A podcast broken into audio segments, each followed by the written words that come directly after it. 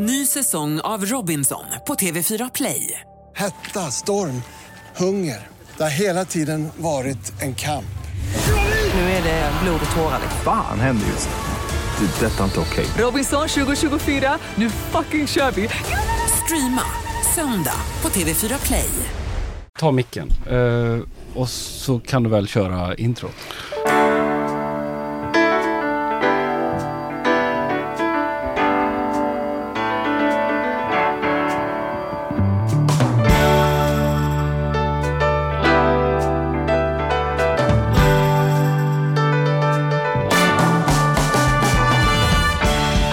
Hej och välkomna till Ekonomi på riktigt med Charlie och Mattias.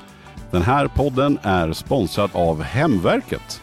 Hemverket är egentligen en vanlig mäklarkedja. De två största skillnaderna är väl då ett, att man håller i visningen själv och det andra att man får betala en fast kommission på 15 000. I övrigt är det samma mäklartjänst som egentligen vilken annan som helst. Det som skiljer idag också är att jag ska ju sitta här själv. Charlie ringde ju in här alldeles innan sändning och har åkt på någon form av maginfluensa. Så att eh, valet var enkelt. Jag sa åt honom att stanna hemma i sängen helt enkelt. Och så får jag ju hänga lite mer med en fantastisk kvinna alldeles själv. Välkommen!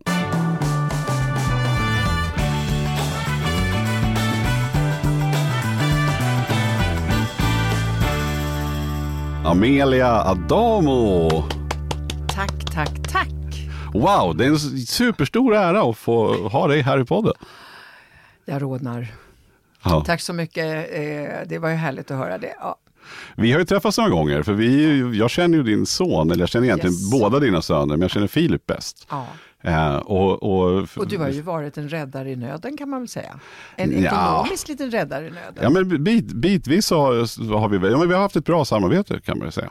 Eh, men där har ju du också agerat väldigt, en väldigt, som en väldigt bra mamma ska agera tycker jag. Upp med plånboken eller ta i örat? Nej men både och kanske. Ja, det är alltså- svårt. Jag tycker att det är svårt att neka hjälp. Mm. Eh, dels så tycker jag, min generation, jag är alltså tillhör den här så kallade Köttberget, Orvar och alltihopa, rekordgenerationen.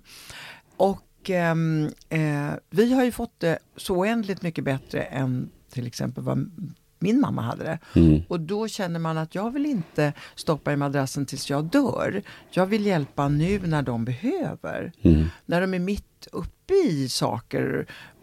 Den ena ska bygga ut och den andra ska klara livhanken typ. Mm. Eller köpa hus på Gotland eller vad det kan vara för någonting. Och då har jag varit förhållandevis eh, generös därför att jag tycker att eh, nej, det är nu de ska ha de här pengarna. Och då finns det de som har sagt till mig, du skämmer bort dem, de blir inte ekonomiskt ansvariga. Nej men samtidigt, och nu ska vi säga det här bara för, för nu är inte Filip här och han försvarar sig. Fast, fast vi, vi vet ju båda att han, eh, ja, men här, det är verkligen inga konstigheter men det är för att, för att ge lyssnarna någonting här och, och förstå vad vi pratar om. Så Filip är ju en otroligt duktig kreatör och vill mycket. Jag känner ingen som drivs och kommer på så mycket affärsidéer. Nej, är en Otrolig Ah, fantastisk. entreprenör. Alltså, han har så mycket idéer. Ja. Men där, och där har ju du då, när, när alla hans idéer inte har gått runt, så har ju du kunnat gå in och stöttat. Men det, jag, det han säger till mig, som jag kanske tror att han säger till dig också, men det som han, som han är väldigt stolt över, det är att han alltid säger så här, fast nu har jag betalat tillbaks allting. Jag lånade, men jag har betalat det tillbaks. Och det har ju varit viktigt. Och det tycker jag är en superviktig, och i det här fallet fantastiskt bra egenskap. Det, det stämmer, han har varit väldigt noga med det. Ja. Och hur känns det då? Det känns ju förstås superduper bra. Sen kan det ju vara några saker där jag säger, du, det här betraktar vi som förskott på arvet. Mm. Det som händer då det är ju att hans brorsa blir väldigt glad. För det måste ju vara lika. Just det. Och ibland har det varit tvärtom och då är det brorsan som har sagt morsan du måste hjälpa mig nu. Han råkade ut för det som du har varnat för många gånger, det vill säga att man köper ett hus innan man säljer sitt. Mm. Och då blev det en väldig skillnad mellan det köpta huset, vilket han inte trodde. Det var bara det att det huset han sålde fick inte det priset. Då gick jag in och då betraktade vi det som förskott på arvet och då blev Filip väldigt glad. Mm. Eh, för att då, det måste ju så att säga vara lika. Så det har varit en blandning av vad vi tittar, kallar för förskott på arv och vad vi betalar tillbaka när det gäller de här sönerna. Men är det inte häftigt då att du som mamma kan gå in och, och supporta och hjälpa barnen på det här sättet? Det är, det är absolut superhäftigt. på alla sätt och vis. Eh, eh, jag hade ju en mamma som, som är död nu eh, och eh, hon var städerska så hon hade inte eh, särskilt mycket pengar. Men det hon hade, det tyckte hon att jag skulle ha, jag och hennes enda barn. Och jag sa till henne, mamma, min månadslön överstiger snart din årslön. Men det var liksom, det, det hon hade, det skulle man ge. Mm. Så att jag är uppfostrad med en person som ger. Det, och som inte till sig själv om jag sa, nej men vi går, du ska, du ska nog handla någonting, du kan inte gå den här klänningen. Nej men jag vill inte ha något sånt. Ta du, du kan väl, du kan väl, så, till och med så sa hon på slutet när hon, när hon såg att jag tyckte om eh, vin, du kan väl köpa lite vin. Vilken förälder uppmuntrar sin Ja, dotter till sånt, det Just gjorde det. min mamma. Hon ville dela med sig. Ja, Liksom. och då hade hon sett att man kunde köpa presentkort på Systembolaget. Mhm. Så då gjorde hon det och så stack hon åt med det som om jag var, liksom var en som inte gick ihop på månaden. Så jag tror att det har jag ärvt lite från mamma, det där att vara generös. Därför man vet inte om jag får en tegelsten i huvudet imorgon. Nej. Men är inte det en också väldigt typisk generationsfråga? För jag upplever också lite grann så att det har varit så med mina föräldrar och mina, mina mor och farföräldrar också. Att det där ska vara, man ska, man ska lämna, lämna med, med någonting. Liksom. Ja, det, det, jag har ju sett väldigt mycket tvärtom. Nej, de ska lära sig. Man får inte skämma bort dem. Jag vet, jag hade en diskussion med min son vid ett tillfälle när jag sa till honom, inte Filip då, den andra, när jag sa till honom, men du får väl dra in er på utgifterna lite grann. Och så började jag mässa hur det var när jag gick från blodpudding till lite bättre varor därför jag hade råd. Och då tittade han på mig och sa, nej men vad fan morsan, vi är ju uppfostrade med räkmacka. Och det är ju lite sant. Det är Ja. klart att deras standard, Just det. Den var ju mycket högre. Medan min standard, bortsett från mat, för vi kom från ett, eller jag kom från ett italienskt hem och där var maten det viktigaste. Så att när, ofta i, i de svenska hemmen runt omkring mig, man åt fil på kvällen, vilket inte var helt ovanligt.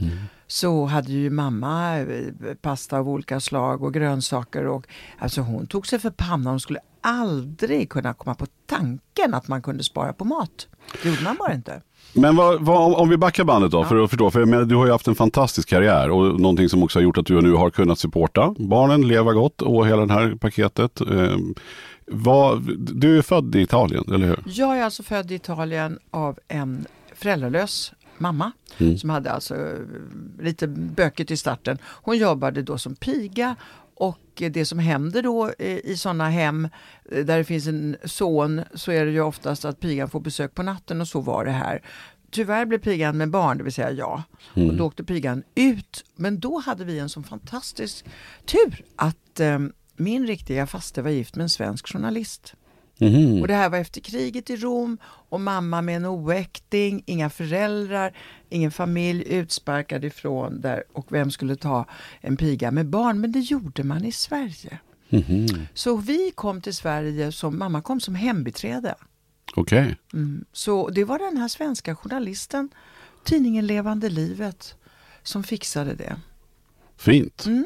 Så det var väldigt fint och det har gjort att vi, vi mamma framförallt, kände alltid en sån oerhörd tacksamhet och älskade Socialdemokraterna som hon sa. Mm. För det var ju de som hade fixat det tyckte hon. Just det. Och sen så kom du, hur växte du upp sen då? Du, du Ja, så var... jag växte upp, sex år så växte jag upp kloss med mamma kan man säga, 24-7. Jag bodde i det hem där hon var hembiträde. Mm. Och sedan så kom det in en annan invandrare, en, en italiensk in, arbetskraftsinvandrare som hade hämtats, vilket man gjorde då. Man hämtade Atlas Copco, ASEA, alla de här stora företagen. De var nere i Italien och hämtade arbetare. Mm. Så kom han till Sverige, gifte sig med min mamma och då var det väldigt bostadsbrist i Sverige. Och då var det ju inte som nu att man liksom löser det utan man löste det inte för att fick invandrarna klara sig själva. Vem brydde sig då? Och då hittade de inackordering där man inte fick ha barn. Vilket hade till följd för mig då att jag hamnade hos nunnor. Så jag bodde fyra år på ett inte nunninternat.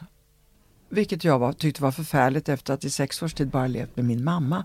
Sen plötsligt över en natt Mm. byta. Och den här stackars Oscar Adamo, jag hette Mucci på den tiden, han adopterade mig så småningom så jag fick hans fina namn.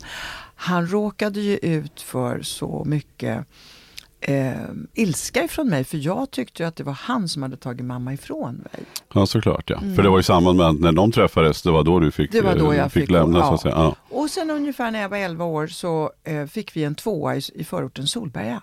Mm. Och det var ju ingen gettotid på det sättet att invandrare bodde i Södertälje eller i Rinkeby. Utan vi var de enda mörka på den gatan och de, Sverige var så ovant vid invandring. Pizzan hade inte kommit ens eh, och knappt charten. Så då trodde de vi var tattare. Mhm. För vi var mörka och tattarna var mörka. Mhm. Och de Okej. visste nästan inte eh, riktigt vad, vad jävla spaghetti Mm. var det ungefär typ. Men det var inte så mycket mer. Men mamma och Oskar kom aldrig riktigt in i det svenska samhället även om de älskade det. Eh, Blev inte riktigt accepterade, deras svenska var inte särskilt bra. De umgicks med andra italienare. Mm. Och det var ju en väldigt trygghet, det bodde mycket italienare i Nacka. Och det var där du gick på den här klosterskolan? Ja, det var ute i Nacka också, Ja. i Storängen. Ja, just det. Men sen då? Sen, sen, sen har du ju trummat på. Du, du blev, eh, ja, du började plugga på. sen. Ja, plugga var inte tal om, utan det, det viktiga för min mamma det var att jag skulle försörja mig och jag gick en maskinskrivningskurs efter nian och sedan skulle jag inte bli med barn. Mm. Så det var liksom det viktiga. Så pessar kan man säga var en mycket viktig ingrediens i mitt unga liv, liksom eh, att tjäna pengar. Mm. Så, och så flyttade jag hemifrån när jag var 17. Så du hade, hade du, alltså var det din mamma som tyckte att det var viktigt att tjäna pengar? Du fick Ja. det med dig? Liksom. Ja, framförallt ja, jag ville inte ha deras liv. Nej. Jag, tyckte, jag ville absolut inte ha deras liv. Hemma hos oss fanns inte en bok, fanns ingen förkovran, fanns ingenting. Och jag kan inte säga att då jag som 16-åring hade sån enorm läshunger, men jag skulle säga utan bokbussen så hade jag förmodligen inte tagit de här stegen. Bokbussen kom och öppnade världar för mig. Och ehm, så jag ville bort, jag ville bort från deras... eh, Mamma jobbade då på fabrik som städerska. Mm. Och hon älskade sitt jobb. För hon ville inte vara hemma med Oskar. Eh, och Oskar tyckte också om sitt jobb. Mm. Eh, han var fabriksarbetare. Ehm, och eh, de var trötta när de kom hem. De ville inte göra någonting, de ville kanske titta på TV. Mm. Och jag ville inte ha det livet, jag ville ha ett annat liv. Och jag tittade på svenskarna runt omkring mig och såg att de hade andra liv. En del hade sommarstuga. En del åkte bort på äldre hade bil. Och, eh, Alltså vi hade inte en cykel, jag kunde inte ens cykla nästan. Alltså. Eh, och jag hade ingenting av det där svenska, du vet det där skogsmullande, man går ut i skogen på helgerna. Och, Ja, just det. Lite och- varm choklad Nej, och fika. ingenting, ingenting. Så att jag ville liksom byta liv, jag ville, jag ville bli svensk. Ja. Och ehm, i det ingick pengar. Jag måste ha pengar. Så när jag började som kontorist så kunde jag i alla fall försörja mig. Sen brukar jag ju säga då att jag hade så väldigt bra förmoder. För de var lite inriktade på sammanhang där det fanns lite mer pengar. Så jag blev väldigt ofta kär i killar som hade det bättre än jag. Jag kom in i sammanhang och såg hur man skulle kunna ha det. Men fanns det något, var, var du strategisk och tänkte den här mannen är tror rik, inte- honom stöter Nej, jag på? nej, Eller nej. råkade det liksom, Jag tror att det var någon, jag vet inte, men det var förmodligen något pragmatiskt men inte uttänkt. Ehm, jag minns när jag träffade han som eh, bodde på Östermalmstorg och gick, eh, pluggade på universitetet, hade gått Östra Real. Hela den omgivningen som han befann sig i kände jag mig oerhört dragen till. Jag hamnade där av en slump. Och ehm, eh, jag ville vara med dem. Alltså du kan tänka dig, inte Solsidan, men lite åt det hållet. mm, Vad hade jag då som insats? Ja, jag hade mig själv. mm, Och, och jag var glad och relativt tillgänglig får man väl ändå säga utan att det ska missförstås. Och han blev kär i mig. Och jag tyckte det var väldigt praktiskt så jag blev kär i honom också. mm. Flyttade till Östermalmstorg och han sa till mig, "Ja, men, du kan ju inte hålla på och skriva maskin i ditt liv. De unga lyssnarna vet inte vad det är men det var det som man gjorde för innan datorn kom. just det. Då skrev man på maskin.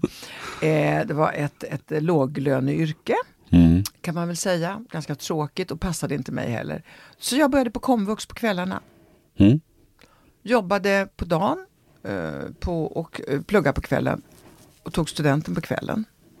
Häftigt. Ja. Och, och där var ju samma sak att jag skulle inte kunna tänka mig att bara kunna gå i skolan. Vem skulle försörja mig? Mm. Jag tror inte ens jag tänkte på studielån. Utan Men var det journalistik du pluggade? nej, Alltså, jag tog, jag tog studenten först. Ja, just det. Komvux, då tog du den vanliga Jag tog den studenten. vanliga studenten. Ja. Samhälls, jag vet inte om det fanns samhälle då, men den inriktningen i alla fall. Ja, just det. Och sen visste jag inte riktigt vad jag skulle göra med det och då träffade jag en kvinna som jag ville bli som. Hon var sociolog. Mm. Så då ville jag bli sociolog. Så då började jag läsa beteendevetenskap. Okej. Så det var min linje. Under tiden jobbade jag på Svensk Damtidning. När jag började på universitetet så måste jag ju då jobba på kvällen. För jag kunde inte jobba på dagen för då skulle jag gå på föreläsningar. Ja, just det. Plugga. Jag läste på halvfart ska jag se till säga. För var det då du började som, var det då du jobbade som, som reporter på svensk, alltså, du, för det gjorde du väl på Svensk Dam? På Svensk Damtidning var det betydligt senare jag jobbade som reporter. Då jobbade jag som sån här galapeter, alltså eh, kändis. eh, En, alltså inte reporter, de här som är ute på kvällarna, eh, kändisar och, och, och idag är det ju fotografen, idag finns ju ingen reporter med. Nej. Idag är det oftast bara en, en fotograf som står vid biopremiär. Så. så var det inte på Svensk Damtidnings tid när jag jobbade där utan då var jag inne på Amaranterbalen och intervjuade de som var där lite grann. Det blev lite fylliga bildtexter kan man säga. Och jag sa till ehm, fotografen då, plåta dem där för det är kronprinsens kompisar. Det skulle jag ju känna till, Mm. vilka det var, Björn Kryger eller Lettström eller vad de hette för någonting. Innan på den tiden kungen var kronprins. Mm. Och det var ju ganska svårt för mig som kom från förorten. Men då får man ju lera sig med adeln så de kan hjälpa en. Ja, precis så. Men vad, vad tyckte, men då när du började liksom hänga inne på Östermalm då, med din, alltså vad, vad tyckte Oskar och mamma om det här? Den här killen som jag då hängde med då, han eh, hade ju inte sett arbetare på vykort. Det här var ju samtidigt ungefär som kårhusockupationen och 68 och allt sånt. Mm. Det var ju vad man kallade väl dem för någon slags salongskommunister. Mm. Eh, och eh, riktiga arbetare var de väl måttligt intresserade av. Annars kunde de ju ta, eh, på den tiden tror jag inte det fanns tunnelbana utan bussen eller ut till och titta på Elda och Oskar. Men det var inte riktigt aktuellt. Och mamma hon kände sig bara generad. Hon kunde absolut inte träffa dem. Hon visste inte vad hon skulle göra av händerna. Hon hade dessutom eksem. Och hon kände då sig Alltså det var väldigt klassbekymmer kan jag säga där. Men jag, jag tyckte att det gick hyfsat bra. Sen tog det ju slut. Mm. Och sen har jag ju bättrat mig vad gäller valet av män kan man säga som också kunde acceptera en arbetarfamilj. Men det måste ha varit ändå slits mellan två. Alltså att Ja, för å ena sidan ja. så vill du dit och du vill tjäna pengar Ja. och drivas utav den grejen. Men samtidigt så har du den andra som ändå är familjen då som, som Alltså inte alls var familjen där. var ju egentligen bara min mamma och kan man säga också min moster. Det var ju mamma och mamma hon var lite grann när jag kom hem till henne och kunde säga att du, mamma de vill att jag ska börja där och de vill att jag ska bli chef. Då var hon så här, men Amelia måste du det?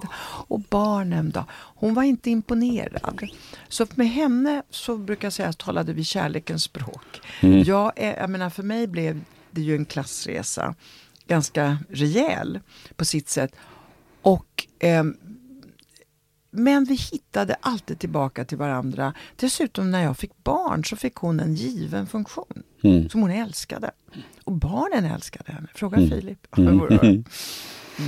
Härligt. Men, men, där, men det blev ju ändå tidning. Du, alltså, Ja, om, om man ska säga liksom så här, vem är Sveriges tidningsdrottning nummer ett? Så tror jag 99 av 100 ställer sig längst fram och Ja, ropar Amelia de- Adamo. Ja, det är för att, men jag är egentligen i tidskriftsvärlden. Det finns ju de som har betydligt större budgetar och har haft större ansvar. Bland annat Gunilla Härlis på DN. Men jag har inte protesterat emot den här trevliga titeln utan vi håller i den ett slag till.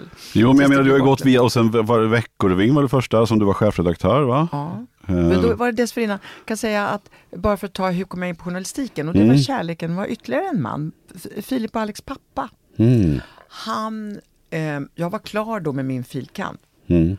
och han sa till mig, "Nej, men vad ska du, vad ska du, det, äh. vi flyttar till Italien, du får lära dig, jag lär dig att bli journalist. Han hade varit tio år i Paris då som eh, korre. Hur träffade du honom då? Jag träffade honom på Svensk Damtidning. Han kom in genom dörren där och var hemma och skulle vara vikarierande chefredaktör under en sommar. Mm. Och vi blev kära.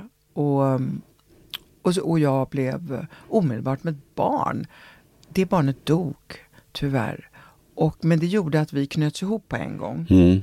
Och eh, sen, och, och sammanlagt blev det 12 år. Sen dog Mm. han alldeles för tidigt. Alex och, och, och eh, Filip. Ja, de var åtta och fem år. Och så dog deras pappa. Men då var jag i journalistiken, då var jag på Svensk Damtidning. Och sedan hade jag då varit på Veckorevyn som redaktionschef. Och där blev jag headhuntad av Aftonbladet. Och man kan säga att Aftonbladets söndagsbilaga som jag fick Stora Journalistpris för, det var språngbrädan. Det var Mm. den stora språngbrädan. Där, där, där, innan dess visste ingen människa vem jag var. Okej, det var där. Det var Mm, då det det, var det, då var då det det hände hände. liksom. Ja, Ja. så hände det. Och det var där också inkomsterna förändrades. Men där Eh, var du väl i radikalt. väldigt många år på Aftonbladet va? Sju, Sju år? sju Mm. år. Och sen var det ju väldigt bra då att efter Lasses em, oväntade död så blev jag då kär i den dåvarande redaktionschefen där som sen blev chefredaktör som också bestämde över våra löner. Mm. Det var väldigt praktiskt. Fiffigt. Ja, precis. Och han kom ju från en arbetarmiljö också. Var det Torbjörn Larsson? Torbjörn, ja. Ja. Torbjörn Larsson. Han kom från en arbetarmiljö vilket också gjorde att för honom var det också viktigt. Han hade en helt annan klasskänsla än jag. Han ville in i den klass som mm, hade villa och som hade utsikt och som hade såna här synliga em, delar av framgång. Mm. Det var inte lika viktigt för mig. Men inkomst har alltid varit jätteviktigt och att veta. Och sen har jag ju jämt varit anställd. Jag har varit anställd hela mitt liv. Och det tror jag har att göra med eh, starten med mamma och alltihopa. Mamma var alltid väldigt orolig för att hon inte skulle få kunna behålla sitt arbete och så. För henne var lönen superviktig och att vara anställd var viktigt. Hon bankade i mig det. fanns ingen entreprenörsanda, vilket annars är stort i Italien. De är ju verkliga entreprenörer Mm, till verkligen. skillnad mot svenskarna. Så eh, inte här, utan det var anställning, anställning, anställning som gällde. Men tänkte du, har du gjort en skillnad? För jag tänker så här, då, i jobbet så har ju du också som, som chef så har man ju också haft ett, har du haft ett ekonomiskt ansvar på jobbet. Likväl att man då har en egen privatekonomi så att säga. Ja. Men, men har du sett några likheter eller olikheter där? Har du Alltså, det har agerat på samma varit sätt? jätteviktigt för mig att vara ekonomiskt framgångsrik på jobbet. Många journalister vill förändra världen. Eh, och jag kom inte in den vägen. Jag har aldrig gått på Journalisthögskolan. Jag har inte liksom gått med de där drömmarna om eh, att vara världsförbättrare eller så. Så att jag, eh, jag ville ha ett bra resultat och jag ville vara stolt över det jag gjorde. Men det jag kan säga när, när så småningom, som var viktigt för mig, det var när jag startade Amelia 95, att ge unga tjejer ett ekonomi ekonomiintresse. Mm. Vilket de inte hade och jag är inte säker på att de fick det av mig heller. Men jag bankade i alla fall in det i skallen och vi hade, vilket var väldigt ovanligt i en sån tidning då, vi hade sex till åtta sidor i tidningen som handlade bara om jobb och pengar. Och väldigt ofta när vi gjorde undersökningar om vad som var bra och dåligt i tidningen så fick det ganska låg score då de ville hellre ha inredning. Mm. Jag lydde dem inte. Och fortfarande är det så att Amelia har ekonomi i varje nummer och måste ha det framgent. För fortfarande är tjejer urdåliga på att fundera på om de ska gå med i aktieklubb istället för att fundera om de ska spruta sin mun. Nu var jag eh, väldigt eh, generaliserande här. Men, Mm, ja, jag fattar. Ja, men tyvärr är det, är, är det ekonomiska medvetenheten när de är unga, den är för låg. Den är på tok för låg. Och jag tycker att det är viktigt att de ska lära sig löneförhandla, att de kanske inte ska välja, på den tiden så var det många av läsare som var sjukvårdsbiträden. Mm. Med, eh, och jag skulle ju hellre se att de som jobbar med människor fick lika bra lön som de som jobbar med bilar. Mm. Men tyvärr är ju inte samhället så konstruerat utan så fort du jobbar med någonting som har med teknik eller något annat att göra så får du ju högre lön än när du jobbar med människor oavsett om det är barn, Mm. vuxna eller gamla. Och då måste man ju tänka lite grann ehm, då har jag kanske 25 000 i slutlön i kanske nästan resten av mitt liv. Mm. Då, får man, då måste man inrätta sig efter det.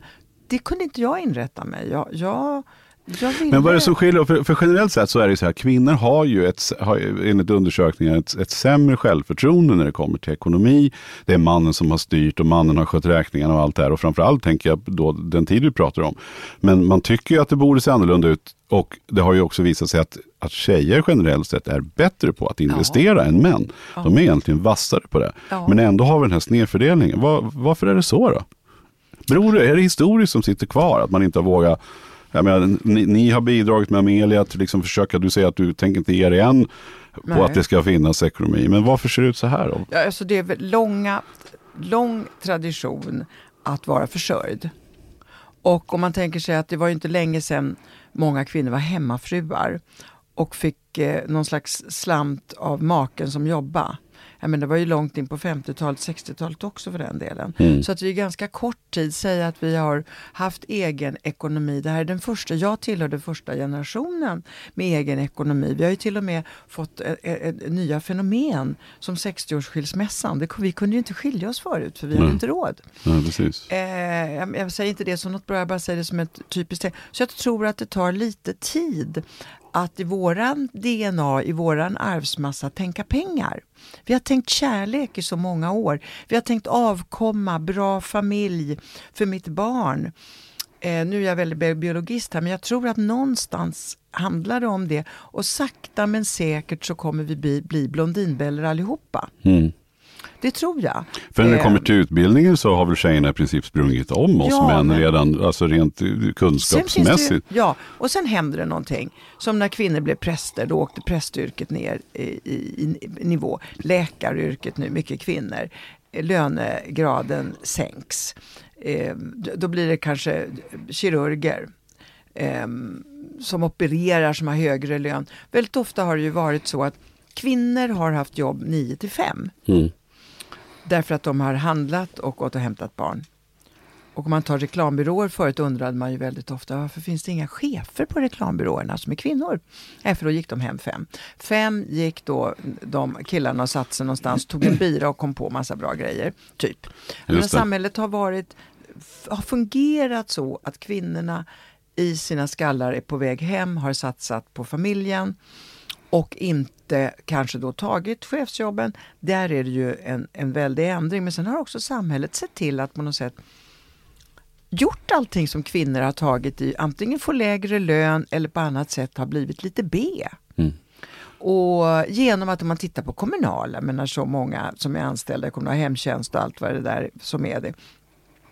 Det är ju, eh, och jämför det med truckförarlön. Mm. Och då är det klart att ett sätt att komma runt det, det är att se till att kvinnor tjejerna också blir truckförare.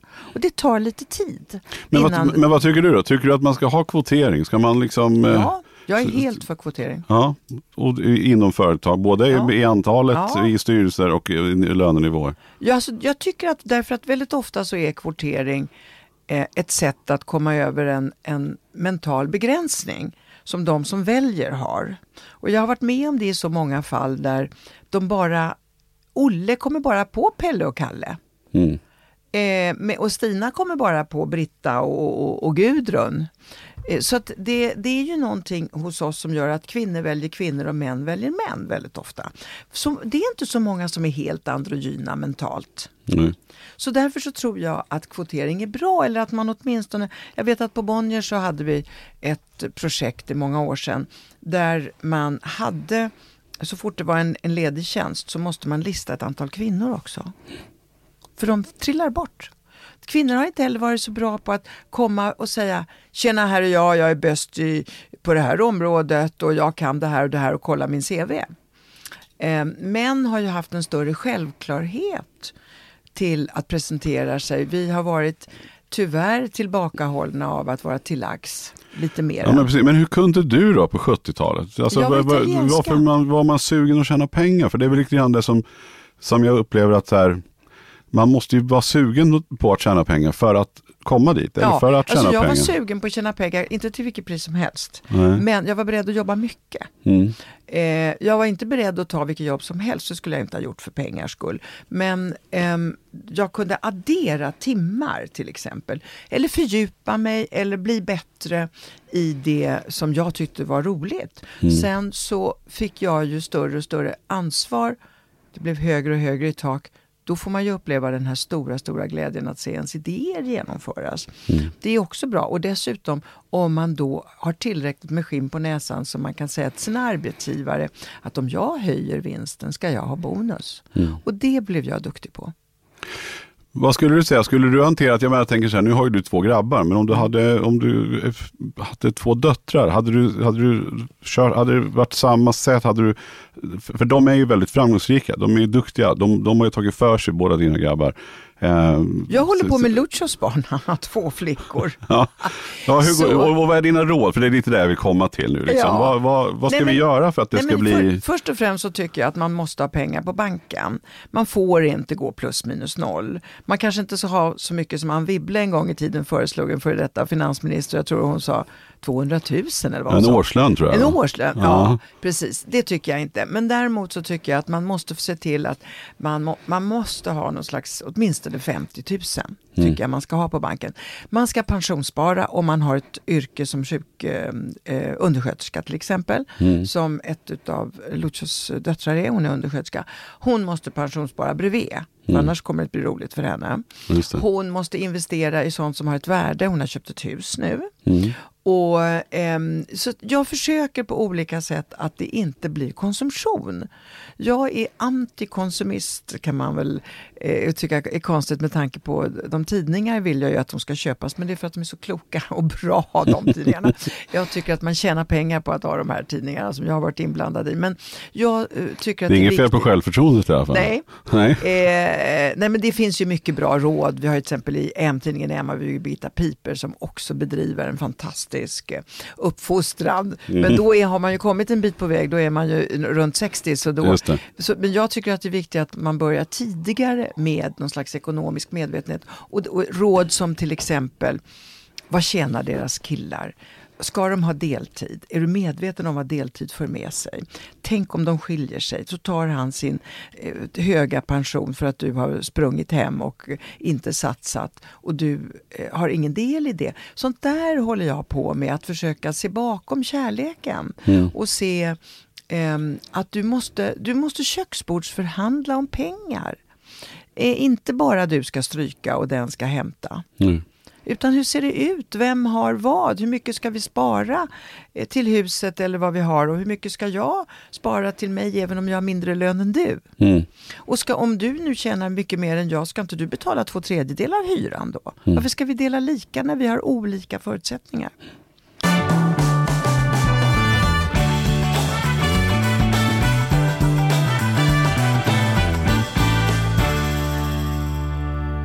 Metoo-kampanjen som slog igenom med buller och brak kan man ju lugnt säga.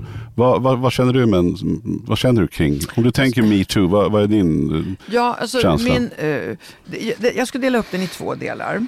Det ena skulle jag säga då att först blev jag förvånad över att tjejer inte sa ifrån.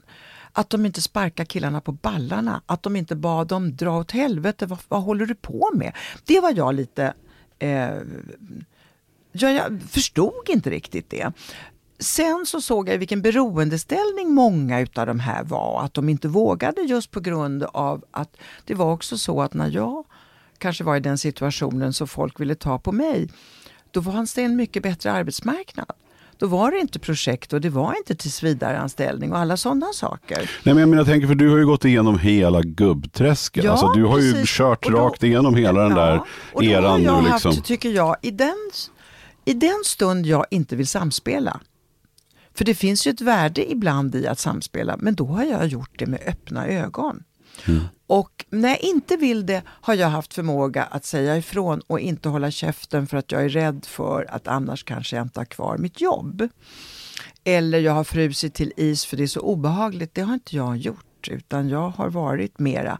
När, vi, när jag till exempel var på Aftonbladet så var det ju en en, eh, jag ska inte säga promiskuös eh, arbetsplats, det var väl att ta i. Men det var väldigt mycket fest, otroligt mycket fest. Och jag tänkte när metoo satte igång så tänkte jag så här, var vi alla eh, medvetna och, och gick in med hull och hår och inte var intvingade i något vi inte ville? Och jag, eh, kan fortfarande än idag eh, inte vara 100% säker på att det inte var så, men jag hade inte riktigt den uppfattningen. Så jag blev lite chockad när metoo-andet, när det kom. Över, och sen det här som man säger, det råder en tystnadskultur. Men det är alltid rått tystnadskultur i Sverige. Det är en tyst kultur. Överallt var du är någonstans så säger man inte. Man säger när personen har gått. Man säger sen i förtroende. Väldigt sällan som man säger rakt till dig Mattias att men, sluta glo eller håll dina fingrar i styr. Eh, och jag tror att det, det kanske också finns där. I USA har man ju hört om allihopa skådisar och andra som liksom inte får jobb. Och där tror jag en, en, det är en separat bransch. Den vågar jag inte säga ett ljud om. Jag kan inte den branschen. Och alla frilansare eh, som är, och alla personer som är, är, eh, är i behov av jobb har en helt annan ställning än vad jag har haft. Som anställd är det, tycker jag, en, an, en annan sak också. Och ehm, så jag, ehm, de sa till mig så här flera gånger, ja, men du har ju varit chef, du måste ha sett det här. Och jag har sett det ett par gånger, men då har det åtgärdats. Mm. Och sedan så, ehm, så må jag vara halvblind, men jag har faktiskt inte riktigt. Jag har ju jobbat på kvinnoarbetsplatser, det ska man ju veta också. Mm. Aftonbladet var ju det stället där det var 50-50. Men de här eh, kvinnotidningarna som jag har gjort, de är ju i princip befolkade av eh, väldigt mycket kvinnor. Mm. Sen har jag då haft manliga chefer. Och eh, i det fall jag inte själv har skrattat med så har jag aldrig känt att någon har utnyttjat mig. Då har jag utnyttjat dem lika mycket. Mm. Så Ja, jag det- har, har eh, eh, men jag tycker att det är jättebra. Jag tror att metoo är, är, kommer bli lite historiskt för man har ändå på något sätt eh, eh, talat om att det här vill inte vi hålla på med. Eh, och män har blivit rädda.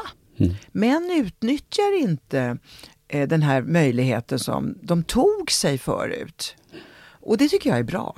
Det tycker jag också är jättebra. Men finns det någon risk med det då? Finns det någon risk att männen, eller att man, att det, att, de, att, att man tappar eller självförtroende, man vågar inte riktigt, för det är ju den här vanliga man, manliga Ja, fast å argumenten. andra liksom. sidan, män har alltid tagit för sig, har alltid haft en tuppkamp. Så jag är egentligen inte särskilt oroliga för dem, utan det har ju varit, de sitter fortfarande oerhört bredbent eh, på bussarna Mm. eh, och tar plats och så, så att eh, de kan gott vara lite tilltufsade.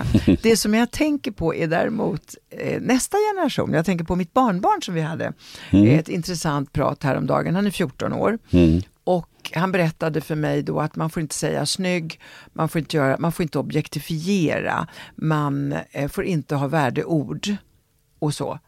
Och då tänkte jag lite grann, vad besvärligt för en 14-åring kanske. Eller så är det bra, vi får se. Ja, det är precis. Tiden får utvisa. Jag har, Ja. jag har en dotter också som är 14. Ja. Och man, ja, det där, det visar sig väl. Det visar sig väl. Å andra sidan kan man ju säga att just eh, när flickorna börjar knoppas i den åldern och det går väldigt fort, man står som förälder och tittar på, eller till, till och med en farmor och tittar på eh, och tycker att, nej men, ska verkligen kjolen vara så där kort? Ska det verkligen se ut så där? Eh, då objektifierar ju även jag med mina ögon det här oskyldiga barnet. Så det är ju en period som är, som är svår. Jag minns att på Amelia så hade vi då en fråga från läsarna som gjorde en artikel när stringtrosan kom.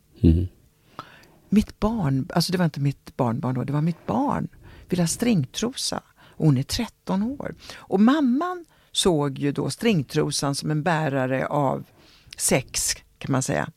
Medan flickan tyckte bara det var jättehäftigt. Jättehäftigt. Hon såg inget snuskigt i en stringtrosa. Hon kopplade inte till någon porr som vi vuxna gjorde. Så det där är en väldigt svår balansgång. Jo, men man kan ju också reagera på alla dessa alla selfies som tas och hela, hela nätet är fullt där. Där jag upplever att både killar och tjejer lägger till med miner och stilar som ska göra dem hetare eller vad man nu ska Ja, kalla det för. Eh, bli mer och mer, eller att det ska få mer och mer uppmärksamhet så Ja. det får mer och mer likes Ja. och sådär. Eh, vad tycker du om det? Illa. Jag tycker illa om det. Och jag tycker mest illa om det när tjejer gör det. Och varför då? Varför Det- inte nej, tjejer, ska inte tjejer ha rätt att göra det? Ska inte de Jo, få göra hur de vill? Jag, men jag tycker personligen illa om det därför att vi hela tiden bibehåller den här eh, eh, jag vill vara snygg. Jag vill att du ska se mig för jag är snygg. Jag vill att de ska se mig på grund av att jag är en duktig yrkeskvinna. Eller att jag har bra åsikter. Eller att jag är en skitbra mamma. Eller att jag är kapabel att lyfta 100 kilo. Förstår du? Jag tycker att utseendefixeringen, eller vad jag ska kalla det för, som jag har också varit en del av i, i tidningarna, absolut. eh, Den står i vägen för oss. Så det är klart att därför kan inte jag tycka att, eh, eh, att jag vill uppmuntra det. Jag, Men du har ju själv varit naken på omslaget Ja. på din egen tidning. Ja. Och- ja, men det här är så schizofrent förstår du. Så att, att samtidigt som jag har visat upp den sidan så har jag ju också visat upp att jag är skicklig. Mm. Och det är det jag har försökt förena. Kan man förena de här två? Och det har varit lite svårt i Sverige. För att i Sverige har det varit väldigt mycket så. Om du är så eh, så kan du inte vara så. Och jag har försökt säga så här, ja, men bakom den här huden sitter en duktig yrkeskvinna eller en skitbra mamma eller vad vi kan säga för någonting. Mm. Där, men det går inte riktigt och det har jag förstått så småningom. Det tog tid för mig men i början var jag övertygad om att nakenheten inte skulle stå i vägen för intelligensen, men det gör den. Den gör absolut Mm. Och det är det som skrämmer dig idag när, det när, skrämmer mig de, idag. när du ser Ja, de här bilderna? Jag ser att jag tittar på urringningen först. Mm. Så tjej jag är. Men hur ser du nu då på, jag menar du säger ju att du officiellt har du gått i pension men, Ja. men det har du ju inte för du är ju säkert där och petar lite i tidningen och tycker. Ja, alltså, så, så jag brukar veta, hur, det är ungefär som när, är- när är man gammal? Mm. Ja, ja, när är man gammal? Ja, jag tycker att man är gammal när man inte kan ta hand om sig själv. Innan dess är man äldre. Mm. Och det är ett väldigt långt pass. Det börjar ju äldre. När börjar det? Skulle du säga 60? Ja, kanske det. Ja. Jag tycker jag börjar känna mig äldre. Ja, och det, och det går ju 50. till, jag brukar säga det går till Dagny Carlsson, bloggerskan, hon är 106. Mm. Så det är, det är en väldigt stor grupp människor. På slutet där, då är man gammal. Det är när det liksom, man behöver väldigt mycket mer hjälp, då tycker jag Mm. eh, att man är gammal. Och jag säger att jag är pensionär därför jag lever på pensionen. Mm. Alltså jag har checkat ut och min, min lön är min pension. Och jag jobbar när folk vill ha mig. Jag kommer och föreläser eller hjälper till om det är någon tidning som har bekymmer eller någonting sånt där. Och jag skriver och jag är fortfarande delaktig i M. Och då hoppar du in och magasin. fakturerar. Man kan säga att du frilansar eh, Ja. om det krävs. Ja. Liksom så, och Ja. håller det igång så. Ja, precis. Mm. Och det gillar jag för jag vill ju inte eh, gå från ha jättemycket till ingenting. Det kanske skulle vara svårt. Ja, det tror jag är svårt och jag tror att det är många som mår dåligt just när, de, när det klipps på det där sättet. Mm. Och jag har ju varit en person som har haft rätt mycket rampljus på mig. Ska jag gå in i skuggan direkt, det tror jag kanske att mitt lilla ego inte skulle må så bra av. Mm. Tycker du att vi borde höja pensionsåldern innan man... Eller alltså, Absolut. Jag tycker att det är så oerhört, ehm, ehm, vad heter det, man säger saker, men dels arbetsmarknaden vill inte ha en 50-åring. Pensionsåldern ska höjas till 69, något sånt där kanske. Eh, det gäller, jag tycker att man kanske ska se vilket yrke man är. Min mamma var städerska och hon sa till mig, när hon pensionerade, förtidspensionerade, var hon 62. Och så, så, här, så småningom när hon blev ungefär 80 så sa jag, mamma jag har verkligen tänkt på det. Ja men 62, det var väl tidigt. Amelia, jag var utesliten. Och jag är inte utesliten. Nu när vi har liksom ett tjänstemannavälde så är vi ju inte uteslitna på samma sätt och därför kan vi ju jobba längre. Vi har uppgifter som kommer från geriatrikerna, framförallt Ingmar Skog som säger att 70 är det nya 50. Mm. De enda som inte har fattat det, det är ju arbetsmarknaden. De är ju kontraproduktiva hela tiden. De vill ju inte ha oss. Och då är det ju svårt att höja pensionsåldern också. Mm. När, utan det som sker nu, som är så intressant att se, det är ju att alla de som inte får plats på den så att säga, ordinarie arbetsmarknaden, vad gör de då? Jo, de blir entreprenörer. Vi har aldrig haft så många 50 plus-entreprenörer. Och det är alltid från att de är ute och går med hundar eller kör ut hundmat. Väldigt mycket på hund brukar jag säga, brukar vara bra. Eh, och, eller så eh, lär de sig till fotvårdsterapeuter eller jag har eh, en sån här eh, som klistrar på små ögonfransar på mig ibland. Hon är 76. Eh, så att det är på något sätt, människorna är inte dumma, de vill ha ett lite bättre liv. Och då jobbar de Och höjer man åldern så kanske det andra hakar de andra på. För då Ja. fattar arbetsgivaren att vi har några Ja, år till. men, och jag kan inte fatta de här dumma arbetsgivarna som inte Nej. ser att det är en annan generation. Allting är ju mycket vitalare hos en 60-åring idag än förra generationen. Och ändå är de så fruktansvärt konservativa. Och all vår erfarenhet ger de inte ett skit för, för de ska in en 28-åring. Just det. Därför att de säger hela tiden, ni kan inte tänka nytt. Nej, men para ihop oss med en 28-år- 28-åring så får ni ett väldigt bra resultat. För då har man en med en enorm erfarenhet och kanske en väldigt bra mage där fingerspitzgefühlen sitter. Men kanske inte riktigt är superdigital. Men då kan det finnas en sån här digital så att man jobbar ihop i team. De digitala har ju ingen erfarenhet. De fattar så fruktansvärt mycket dåliga beslut, det har jag sett i min närhet. Därför de har ingen erfarenhet. Och de tror ju att vi som inte är lika digitala som dem inte kan någonting. Vilket bara handlar om så att säga kanaler och inte någonting annat. Så jag tycker att eh, det finns mycket att göra där. Vad skulle du säga då, som dina tre sista tips då? Vi, vi går lite på tidningskänslan, den kan ju Nej, du. jag vill bara säga tips. Alla ni som lyssnar och är kvinnor.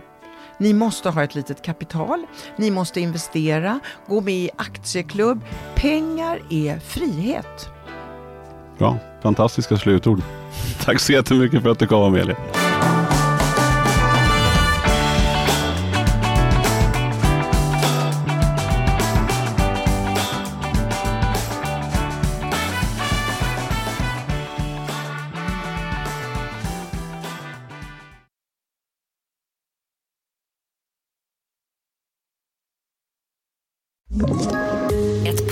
Från Podplay.